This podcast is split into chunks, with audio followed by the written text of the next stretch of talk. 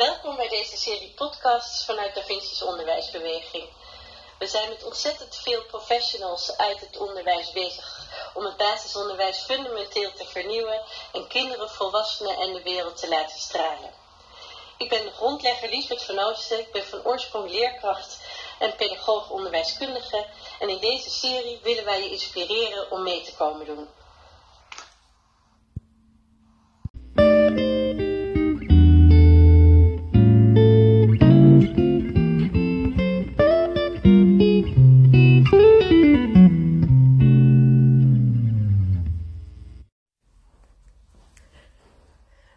Welkom allemaal, leuk dat jullie weer luisteren naar deze uitzending.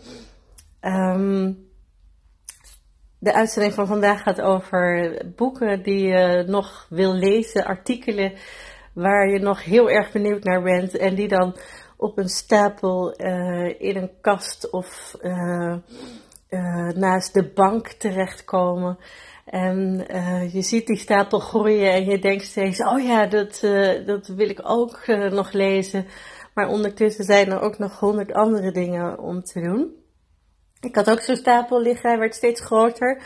Dan uh, zie ik op LinkedIn weer iets interessants en denk, oh, daar is ook een heel boek over, dat bestel ik meteen. En uh, nou, zo uh, was het een mooie stapel boeken geworden.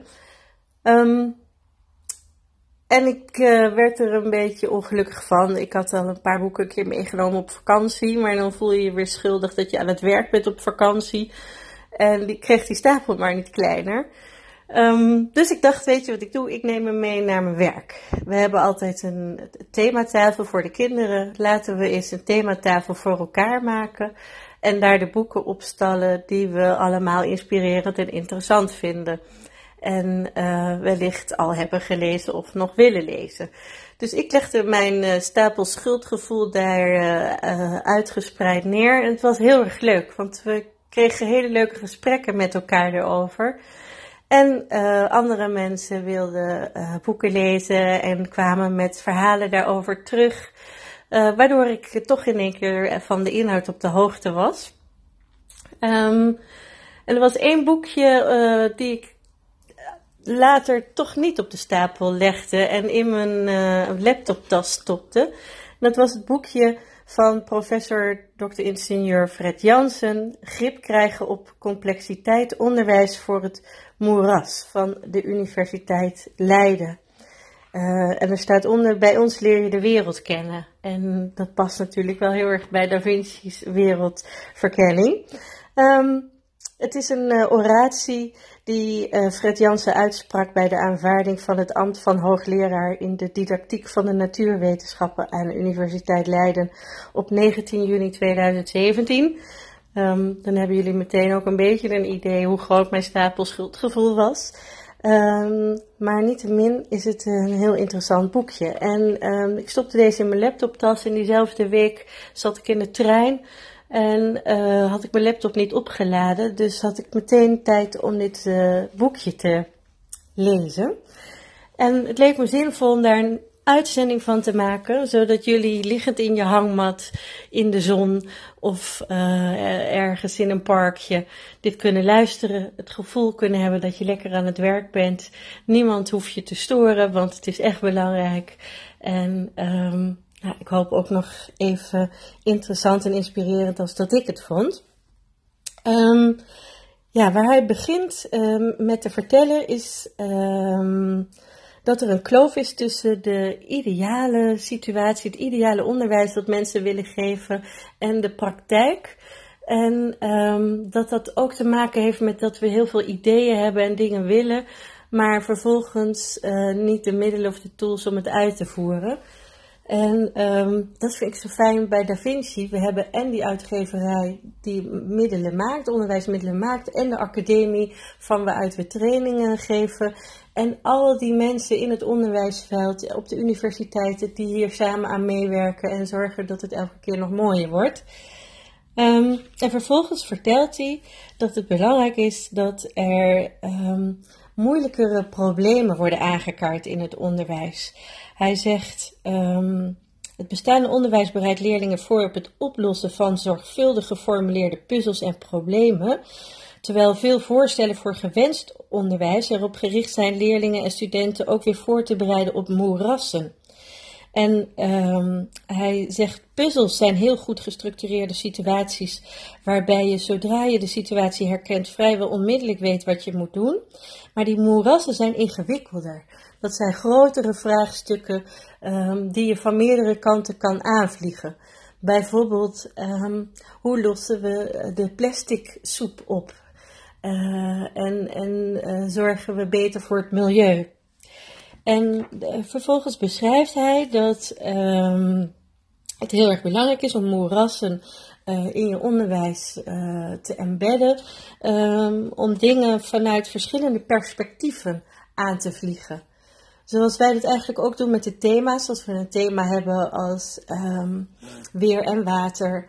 Uh, dan gaan we het hele begrip water van allerlei kanten bekijken. Wat leeft er in het water? Wat, is, wat zijn de natuurkundige verschijnselen van water? Waar is water voor nodig in ons dagelijks leven? Um, of als we een thema hebben als uh, Egyptenaren, dan gaan we kijken naar uh, de geschiedenis van die mensen, maar ook naar hun techniek. Hoe bouwden ze piramides? En ook waar staan die dan in woestijnen? Wat zijn het dan? Welke dieren en planten leven in de woestijn? Um, en zo pakken we eigenlijk altijd alles al vanuit die verschillende perspectieven aan.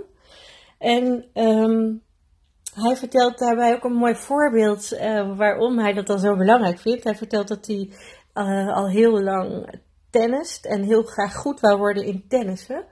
Um, en hij richtte zich daarbij heel erg op zijn tennistechniek. Hij wilde heel goed worden, uh, technisch heel erg, uh, dat het er mooi uitzien, zag en um, dat hij mooie slagen maakte. En uh, later zei hij, um, had ik het achteraf misschien beter vanuit verschillende perspectieven aan kunnen kijken. Techniek, uh, de techniek is een onderdeel, is een perspectief, maar het gaat ook over tactiek en over hoe uh, hoe ik mentaal ben en die ander en hoe het fysiek met mij gaat. En als ik het vanuit die verschillende perspectieven had aangevlogen, was die waarschijnlijk een betere tennisser geworden. Um,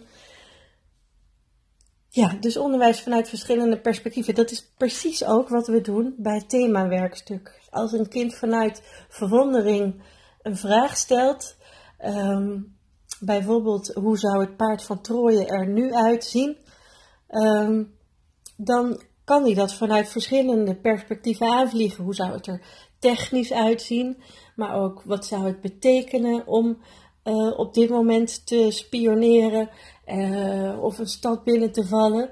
Um, en wat ik heel mooi vond is een voorbeeld van kinderen. Hij staat ook op onze website. Die zeggen volgens mij um, zou het paard van Troje van nu eruit zien als een robotvogel. En um, die zou dan over de stadsmuren, die er niet meer zijn, maar de, uh, de, de uh, ideologische muur vliegen en landen. En uh, uit die vogel, wat niemand natuurlijk zou hebben gezien, want hij is niet te onderscheiden van een echte vogel, zouden dan kleine spinnetjes komen uit zijn buik. En die spinnetjes, dat zijn ook weer een soort mini-robotjes, die dan in de huizen van mensen en in kantoren uh, allerlei informatie kunnen ophalen.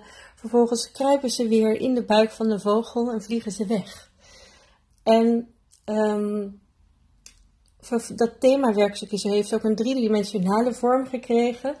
En dat vind ik zelf ook een van de mooiste dingen van het werken met die themawerkstukken. Dat je in het um, maken ook zo goed kan samenwerken en kinderen van verschillende talenten bij elkaar kan zetten. Zodat degene die het uh, bedacht heeft niet per se degene hoeft te zijn die ook uh, het uitvoert in, in een vorm. Want uh, dat, dat vereist weer hele andere talenten. Terwijl als je dat wel kan, want ik, ik hoor de laatste tijd op Facebook en de media ook weer heel erg de, de scheiding tussen, we mogen dan terecht, hè, niet meer zeggen hoog en laag opgeleid. Uh, en dan uh, geeft iemand de suggestie om dan te zeggen, laten we het praktisch en theoretisch opgeleid noemen. Um, wat mooier is, mee eens. Maar ehm, het is toch ook zo fijn als je theoretisch iets bedenkt, dat je het dan ook nog praktisch uit kan voeren.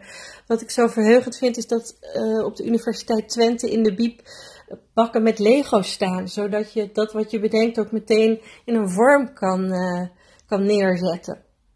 Um, nou, dus uh, dat is eigenlijk in het kort wat deze meneer vertelt. En het goede nieuws is dat we dat dus allemaal al doen in ons lesgeven. Dus ik zou zeggen, geniet nog lekker even van je zonnetje en een hele fijne dag.